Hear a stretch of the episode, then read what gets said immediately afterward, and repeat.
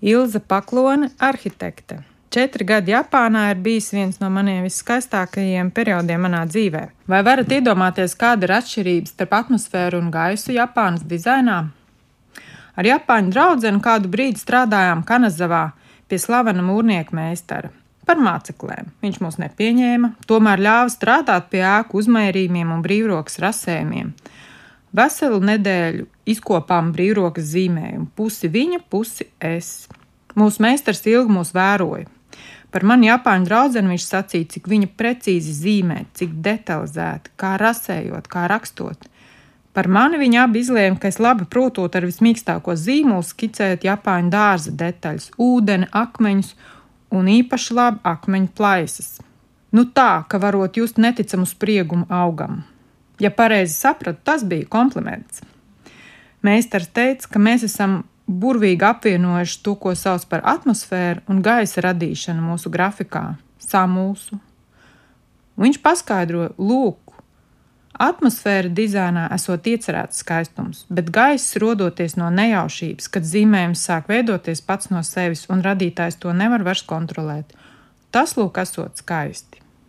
Ģeniālā spēja interpretēt savu un citas kultūras, tās pārvērst jaunos kultūras artefaktos, ir tas, kas fascinē visvairāk Japānā. Tas trenē jutību, uzmanību, spēju saredzēt nianses, saredzēt pat tad, ja nevienmēr ir vēlme pieņemt.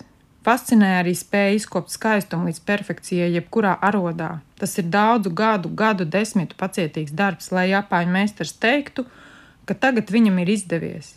Esmu runājis ar daudziem meistariem, kuriem ir 60, 70 gadu, un tikai tajā brīdī viņi saka, jā, tagad man ir ko teikt, tagad es esmu kaut ko iemācījies, lai brīvi izteiktos. Klasiskajā Japāņu literatūras šedevrā Heika Monogatari, jeb Heikas stāsts, 16-gadīgā prinča Atsumori sejas skaistums tiek raksturēts ar tās maigo pūderējumu un melni tonētajiem zobiem. Savukārt īsajā stāstā par dīvaino meiteni, kurai patika kukaiņi, kā viena no viņas ekscentriskuma pazīmēm ir minēta viņas balti spīdošie zobi. Zobus gan Japānā neviens vairs melns netonē, bet patur prātā, ka vienmēr skaistuma izjūta te ir jāizkopja visai ekstravaganti, tā pārkāpj vispār pieņemtās robežas un trenē neparastā pieņemšanu. Ikdienā gan man patiešām ir bijis jāsaņemas, lai vabi sabī, jeb tādu kā japānisko tradicionālo skaistumu izpratni atrastu pilsētā. Tokijas kopiespēks ir grotesks, kā tāda nebeidzama fragmentu kolāža. Japānas kultūra, tajā skaitā arī dizains, ir tik saudabīga tās noslēgtības dēļ.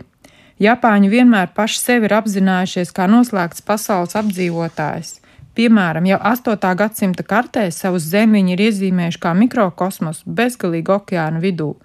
Dažās šī perioda kartēs ieskicētas arī Daitoku, Rasetsu koku un Gando. Daitoku jeb Ķīna senajā Japāņu kultūrā ir attīstītākā un diženākā nācija, savukārt abas pārējās ir skarbākas Japāņu variācijas par Ptolemēja karšu terra incognita.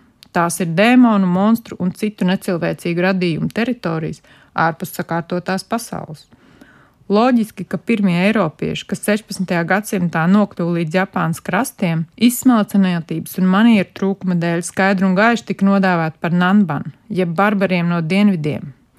Dienvidu barbaru kultūra ilgajos slēgtās valsts gados Japāņiem tapas zinām tikai kā atsevišķi artefakti, kā fragmenti, kā tēli, atrauti no to sākotnējās izmantošanas vai nozīmes konteksta. Tāpēc tik saprotam arī bijusī un esošā rietumu reliģisko un mākslas objektu dekontekstualizēšana. Piemēram, svētā vakarēdienu gleznu izmanto lietu sargu reklāmai, Monu Līzu milzīgā elektropreču veikala bannerī. Vai tas ir skaisti, tas jau ir cits jautājums.